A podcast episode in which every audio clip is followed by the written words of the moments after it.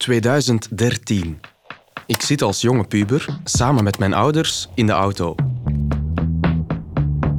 Mijn mama achter het stuur, papa rechts vooraan en ik pal in het midden op de achterbank. Het is een bloedhete zomerdag. We rijden op de A12 en passeren langs het bedrijf Sarens. Sarens is vooral gekend van bouwkranen.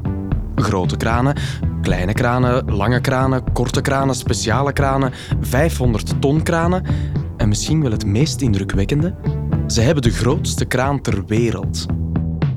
Die kan een hoogte halen van 250 meter. Dat is 2,5 keer het atomium of 450 keer mannekepis. Maar dat geheel terzijde. Eerst even terug naar onze achterbank in 2013. Want daar begint deze podcast. Wanneer we voorbij het gigantische kranenpark rijden, vertelt mijn mama me het verhaal van Jan Sarens. En tot op de dag van vandaag blijft het me intrigeren. En nu, bijna tien jaar later, besluit ik mijn verbeelding los te laten en me volledig onder te dompelen in dit verhaal. Mijn naam is Achille van Ingelgem en dit is Senior Sarens. Ik sprak met Sarensen, Ik ben Hans Sarens. Ik ben Silke Sarens. Ik ben Frans Sares. met veel Sarensen. Ik ben Lien, Rut, Lina. Ik ben Mark Sarens. Ah, ja, ik ben Annemie. Ja, ik ben Griet. Ik ben Ludo Sarens. maar ook met vrienden van Jan. Ik heb Jan leren kennen op café. Ja, dat is mijn beste maat geweest Ik mis hier nog elke dag. ben via Jan aan mijn vrouw geraakt. En met zijn advocaat. Ik heb geen enkele andere klant die hetzelfde heeft meegemaakt als Jan. Hè. Kortom, bijna met iedereen die hem nauw aan het hart lag. Papa was echt iemand die het leven omarmde. We zullen de problemen wel aanpakken als ze zich voordoen. Ja, dat is onze Jan. En na elk interview dat ik deed, passeerde ik op de terugweg naar huis een busje van Sarens. Maar allee, deze kan toch niet? Nog een busje van Sarens. Ik reis heel Vlaanderen af en trek er zelfs voor naar Mexico. Welcome to the airport Mexico. Ik vind het wel heel dichtbij komen nu. Echt heel dichtbij. Het kan iedereen overkomen, het kan ook jou overkomen. Je moet gewoon echt, echt oppassen. Aflevering 1. Paarden en kranen.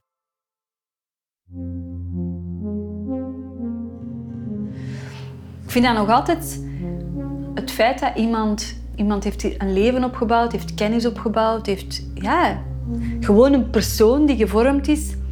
Hup, hup, dat is weg. Dat is weg. Dit is Silke Sarens. Een van de drie dochters van Jan Sarens. Dat hij er zo al tien jaar eigenlijk mee rondloopt, ik vind dat nog altijd soms echt een, een heel zot idee. Dat, dat, dat het zo werkt. Ja. Op 23 februari 2013 werd Jan Sarens op klaarlichte dag om het leven gebracht in Acapulco, in Mexico. Ik wou zo rap mogelijk op dat vliegtuig zitten. Ik wou zo rap mogelijk naar... Ik wou zijn lichaam zien. Ik wou dat aanraken, ik wou dat zien. Het moment dat ik dat echt geloofde was het moment dat de, beelden, de eerste beelden op tv kwamen. Dus dat werd natuurlijk breed uitgesmeerd in, de, in het nieuws. De groep Sarens handelt in kranen en heeft internationaal een goede reputatie. Of dat het te maken had met Sarens zakenactiviteiten is nog niet duidelijk. Er werd geen dader gevat en deze cold case blijft waarschijnlijk koud. Voor justitie en de media is dit misschien een cold case. Voor de nabestaanden koelt het nooit af. Deze podcast gaat dan ook niet op zoek naar daders, maar vertelt het verhaal van Jan. Zijn drie dochters gidsen me door zijn leven. Je hoorde ze daarnet al even. Ruth, Lien en Silke. Mensen hebben, zijn vrij om, om daarvan te denken wat dat ze willen. En er worden allerlei opinies geformuleerd. En je komt af en toe wel mensen tegen die dan zo dingen zeggen van ja, waar ook is is vuur. En dat je zo denkt van excuseer. Allee, zo, die dan eigenlijk zo de fond van het verhaal niet kennen, maar zich toch permitteren om zo, zulke uitspraken te doen. Ja, dan heb ik me wel soms heel slecht gevoeld. Dat ik dacht van poeh, ja, dat is echt niet, dat is echt niet cool. Dan wil je liever gewoon in een hol kruipen. Ja. ja. Tot op de dag van vandaag doen er in Steenuffel, van waar Jan afkomstig was, nog zulke verhalen de ronde. Ik hoor ze zelf regelmatig, want mijn familie is ook van die kanten. Wat zegt de naam Jan Sares? Ja, zegt dat jou iets? Familie Sares, Kranen de Sares. Mexico. Doodgeschoten wist in Mexico. Jan Sares, de sympathiekste van heel de familie. Altijd goed gezien, altijd een lach, altijd pintje geven, pintje betalen. Zo gezegd overval. De twee professionelen dat hem neerschoten in zijn Mercedes SL Cabrio en niks gestolen hadden. Dus, afrekening. Die mensen dat hem neergeschoten hebben, zijn nooit gevonden, nooit veroordeeld. Daar is gewoon niks van gekomen. Riep Jan Saris. Over wat er precies met Jan in Mexico gebeurd is, heerst veel onduidelijkheid. En dit verhaal is zo groot dat ik niet in staat ben om het alleen te vertellen. Dus doe ik beroep op een andere, meer ervaren documentairemaker om het te vergezellen. Luc Hakens. Dag Luc. Achille. Stoor ik u? Nee, nee, zeg maar. Ja, ik had eens een, eh, een rare vraag eigenlijk. Eh, wilde jij voor een podcast met mij mee naar Mexico? Naar Mexico? Ja, ik denk, eh, willen zeker, ja. We spreken een eerste keer af op het kranenpark van Sarens, waar ik Luc alles uit de doeken doe. Hier moeten zien, Achille. Nee, Luc, het is langs hier. Waar? Ah ja. Hier. Ja. Begint alles. Het familiebedrijf, het leven van Jan in 1953 en dat van zijn dochters 30 jaar later. Vooraleer ik Luc de rest van het kranenpark laat zien, wil ik eerst een beter zicht krijgen op de familiestamboom van Jan. Ik spreek af met een van zijn dochters, Silke Sarens. We zitten in een cafeetje en ze heeft een groot, opgerold wit papier bij. Ik ga nog een koffie drinken, denk ik. Een gewone koffie? Nog een koffie. En ik ga het kunnen gebruiken. Want de stamboom van de familie Sarens is enorm. En ik denk dat ik het tot op de dag van vandaag zelf nog niet helemaal snap. Silke neemt pen en papier en start aan de stamboom. Beginnen doen we bij Silke en haar zussen. Dus als je bij ons begint, dan heb je ehm, dus Ruud eh, en Silke, want eh, wij zijn dan de tweeling. En dan Lien. En dat zijn dan de drie kinderen van Jan, mijn vader. Tot zover ben je hopelijk nog mee. Gaan we een generatie terug, dan komen we uit bij de grootvader van Silke. Louis Sarens. Beter bekend als Krak. Ja, dat is Krak. Ja. Krak was getrouwd met Antonia Willems. En die hebben zeven kinderen. Ja, zeven kinderen. Wacht, ik ga even al een lijn ondertrekken. Van oud naar jong. De oudste is Frans. Dan heb je Lina. Dan heb je... eh dat Jan. En dan heb je eh, Annemie. En dan heb je Mark. Dan Griet. De laatste is Hans. Maar ik zal nu, dus dat is effectief dus de, de boom van Krak, hè, van Ja. mijn grootvader en dan mijn Antonia. Maar ik zal dan nu op een ander blad de, de dingen doen van hem. We nemen er een nieuw blad bij. En met de dingen doen van hem bedoelt Silke nog een generatie teruggaan. Want Krak, alias Louis Sarens, komt uit een nest van, hou je vast, Twaalf kinderen. twaalf kinderen. Heb de Louis eerst, maar dus niet in de juiste volgorde. Onkel Bater en tante Nonneke. Oh mijn god. Petrus hebben we dan. Tante Paula. Twee tweelingen, hè. Jeff, Victor. Stel, ben ik iemand vergeten? Nog een Dat was ook wel echt, die was Filomeen. Die waren Petrus. En Filomeen, Petrus, Filomobiel. Wil jij nog iets? Ik ga nog een koffie drinken, denk ik. Even recapituleren. Helemaal bovenaan de stamboom staat Soike Sarens. Daaronder vind je zijn twaalf kinderen, waarvan Louis de oudste is. Louis heeft op zijn beurt zeven kinderen, waaronder Jan Sarens. En Jan heeft zelf drie dochters, Silke, Rut en Lien. En het is hun overgrootvader die de basis legde van het bedrijf Sarens dat je nu ziet wanneer je op de A12 rijdt. De A12 dat is zo'n 55 kilometer lange autosnelweg, vertrekkend vanaf de grens met Nederland. Aansluitend op de Antwerpse ring, waarna het zijn koers vervolgt langs Wilrijk en Boom om uit te monden in Brussel. Al dus Wikipedia. En ergens op die A12, ter hoogte van Londerzeel, ligt nog altijd het bedrijf van Soike Sarens. En daar begint deze reis van Luc en mezelf. Ja, ja, maar zeg, dat is hier gigantisch, man. Ja, zie maar een kraan, jong. Ik heb nog nooit zoveel kranen samen gezien. Ik ook niet. Om het verhaal van Jan volledig te begrijpen, moet ik niet alleen een beter zicht krijgen op zijn familiegeschiedenis, maar ook de geschiedenis van het bedrijf Sarens kennen. Want wie Jan zegt, zegt kranen. Voor mij is Jan een kraan. Dat was zijn interesse, zijn lijver. Hè. Want kan je nog eens kort uitleggen hoe dat bedrijf Sarens ontstaan is?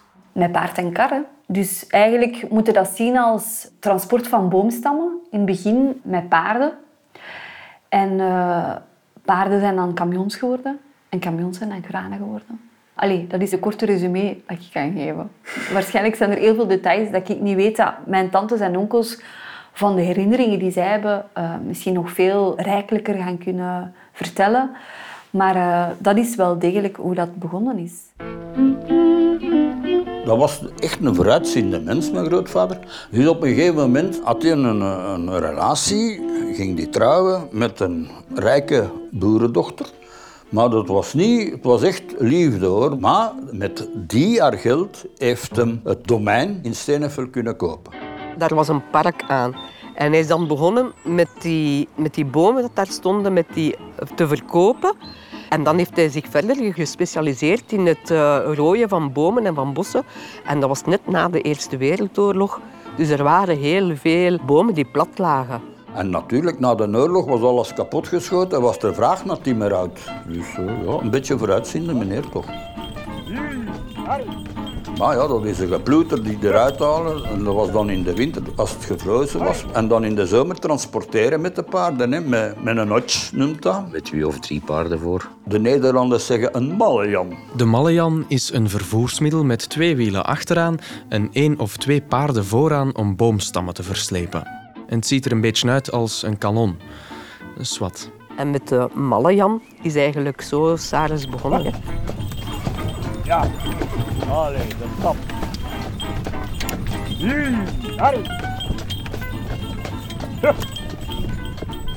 En dan heeft hem de recessie meegemaakt. Ja, daar ging niks meer. En uh, zat hij ook al met, denk, twaalf kinderen toen al. En dat was armoede. En de kinderen werden ouder. Ja, dan de Tweede Wereldoorlog kwam eraan. En zij waren ondertussen wel leveranciers voor Steksjesfabriek in Eindhoven, de Union Match. Steksjesfabriek, dat ze zeiden. Voor die lucifers? Ja, voor die lucifers. Maar dat is mogen blijven bestaan onder de oorlog, want die Duitsers hadden ook stekjes van doen. Hè.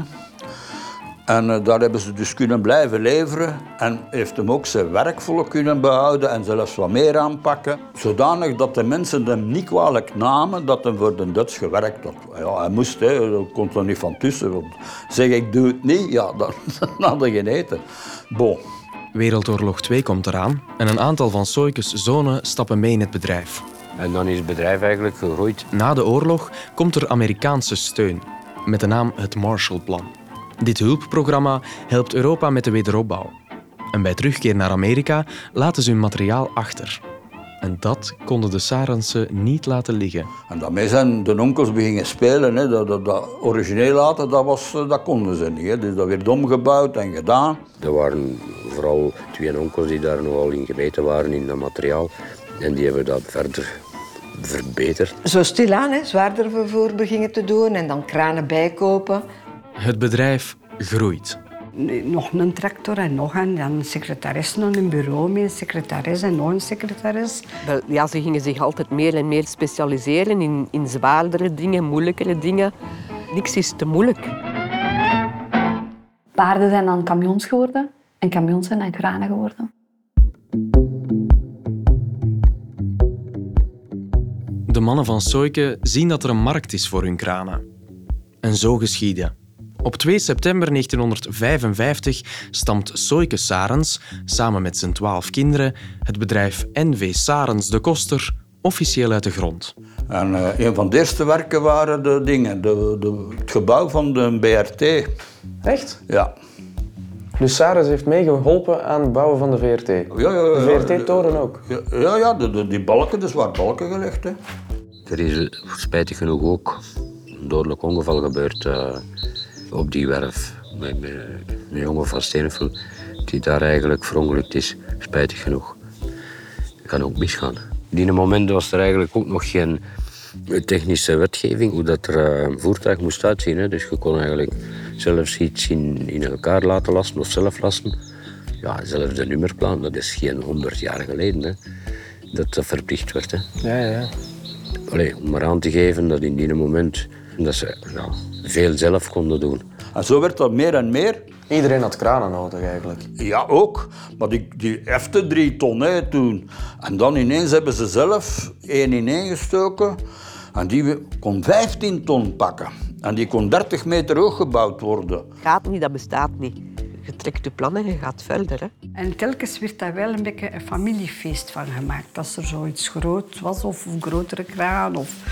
Allee, dus de familie Sarens hangt ook wel aan één. En dan in 1965 de eerste 120 tons kraan, origineel, Manitowoc, van Amerika. Iedereen, i- alle broers hebben dat moeten ondertekenen dat ze hun huis in pand gaven voor die kraan te kopen. En jij hebt dat ook gedaan dan? Nee, nee, mijn vader en Ah, zijn oké. broers. In 65, joh, dan was ik 15 jaar. Ik had je gewaarschuwd dat ik de familiestamboom tot op de dag van vandaag zelf nog niet helemaal snap.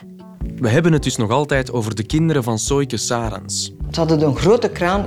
Was die nu afbetaald of iets? Er was iets mee. En dan hebben ze wel een groot feest gegeven. En dat was on- zelfs met stickers, jong. Met een sticker waar dat Saris op stond en die kraan is opgetekend, zo'n ronde sticker. Ik heb hem dan nog ergens op een varde geplakt. dat was wel bijzonder, hè? Zijn er nooit dan onderlinge problemen geweest? Die maakten wel eens ruzie, dat kan niet anders, maar het werd bijgelegd. En ze lieten iedereen ook wel zijn ding doen. En onkel Victor die was dyslexisch, dus die kon Magirus Duits op tien verschillende manieren schrijven. Ik heb het moeten navragen. Magirus Duits blijkt een merk van vrachtwagens te zijn uit Duitsland. Maar hoe je dat nu juist moet schrijven? Enfin, terug naar onkel Victor. Maar technisch, wat dat hij in zijn kop kost creëren, dat was ongelooflijk. Hè? Met, met, met weinig middelen kon hij toveren. En gaandeweg stapt ook de generatie van Jan in het bedrijf. De zussen mochten oorspronkelijk niet meewerken. In. Meisjes mochten niet, jongens wel in het bedrijf. Ja, dat was zo de dingen. Nu is dat veranderd. Nu zijn er wel neven en nichten die in het bedrijf zijn. Maar ik zou niet daar mogen werken hebben, bijvoorbeeld. Vindt u dat jammer? Nee. Maar ik denk wel, bij sommigen heeft dat wel een beetje gewrongen. Ja? Ja.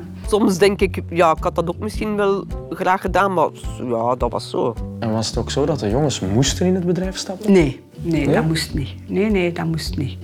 Maar automatisch gebeurde dat toch. En die hebben daar wel veel mee opgebouwd. Hè. Allee, dat is ook iets dat ik van Jan heb me dat honderd keer gezegd. Je moet niet proberen de goedkoopste te zijn. Je moet proberen de beste te zijn. En dat is iets dat ik nog regelmatig tegen mijn klanten zeg. NV Sarens de Koster, dat zich tot simpelweg Sarens omdoopt, blijft maar groeien. Want na de opbouw van Expo 58, de VRT-gebouwen en tal van andere projecten, merkt de nieuwe generatie Sarens dat ze zich niet alleen tot België moeten beperken. Ik had het gevoel dat wij in België hier, wat dat hier ook doet, als hier geen werk is, ja, dan is er geen werk. Dus ik had het gevoel dat ik opgesloten zat en dus moest uitbreken. En dan is dat uitgebreid richting Nederland, richting Frankrijk gegaan. Dan in Engeland begonnen en dan van Engeland ja, naar Noorwegen. Ik dacht dat er 60 vestigingen waren in 50 landen. Ja. Maar ja, de, op de vijf continenten zijn we actief. Hè. Ja. Zowel van de Noordpool, denk ik, hebben we ooit een keer iets gezet. Op de Noordpool? Ja, of, of wat- Noord- of Zuidpool, een van de twee. Eh, Antarctica, ja. Even vergeten of het nu juist de Noord- of de Zuidpool was, kan natuurlijk gebeuren. ja. In Mexico is dat dan een beetje mislopen eigenlijk op dat moment. Ho, ho, hier lopen we heel even op de zaken vooruit, Maar dat is misschien iets van een, een andere vraag. want dat is inderdaad een andere vraag. En daar hebben we het later over. Eerst naar het stadhuis. Want ik moet mijn reispas nog in orde brengen voor Mexico. De foto wordt genomen in 5, 4, 3, 2, 1. Oh, jongens, jongens, precies een crimineel. Luc? Ja? Hoe is die van u? Wat, met een foto? Ja? Heel mooi. Ik denk dat ik nog eens ga doen, ja. De foto wordt genomen in 5, 4, 3, 2, 1. Hoe is het om daar, om daar ja, een afstammeling van te zijn? Van Ah, vier. Ik ben Ja? daar fier op, ja.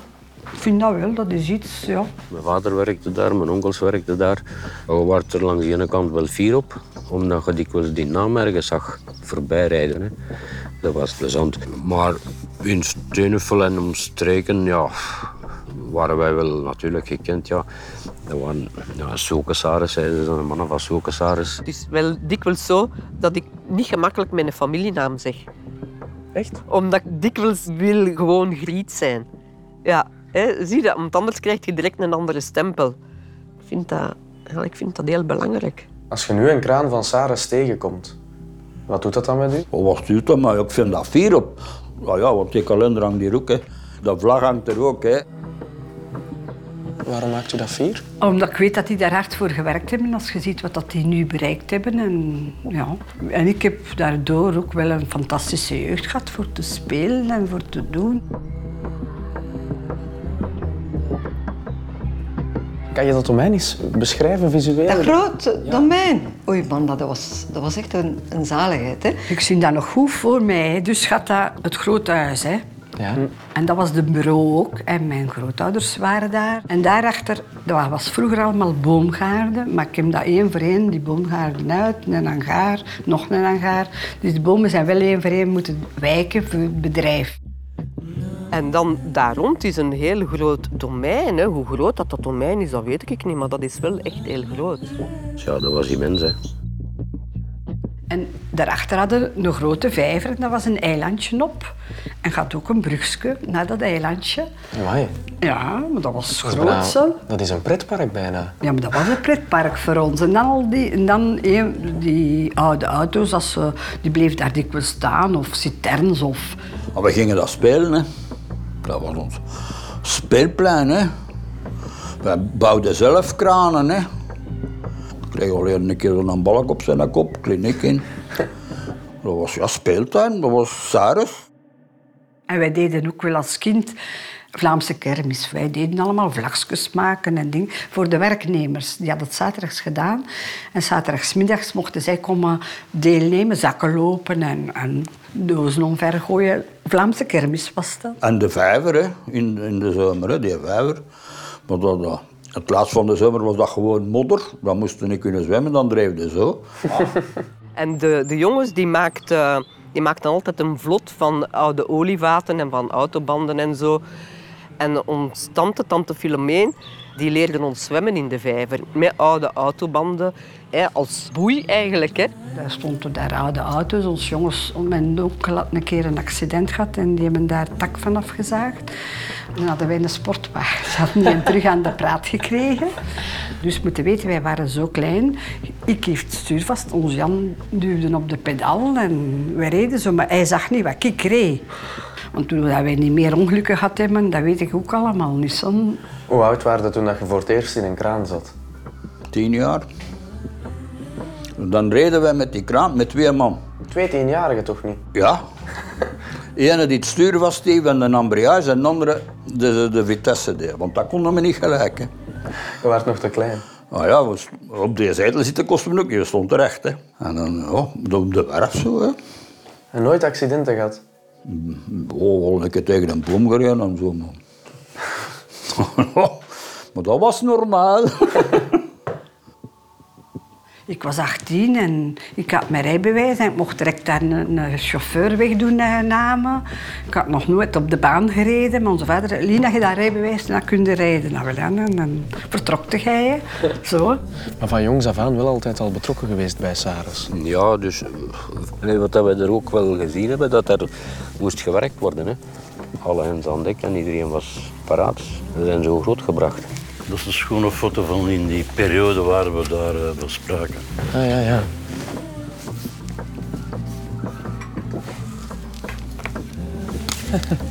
Dat hier ben ik. Ah nee, wacht, wacht. Ben wie is ik? Dat ben ik hier. Dat ben ik, sorry. Dat ben ik. Nee, dat is Jan. Sorry, dat is Jan. Ja, dat is Jan. Ja. Ja. Ja, allemaal op een fiets. Van die drie wielertjes, ja. En je ziet wel hoe dat die al afgeleefd zijn. Zie dat wiel, hoe scheef dat er staat. Wat doet dat kinderen allemaal, hè? Dat kun je je nu niet voorstellen. Die fase hebben we in ieder geval allemaal overleefd. Dus. Dat is Jan, de middenste. Dat is Jan, ja. Dat is Jan.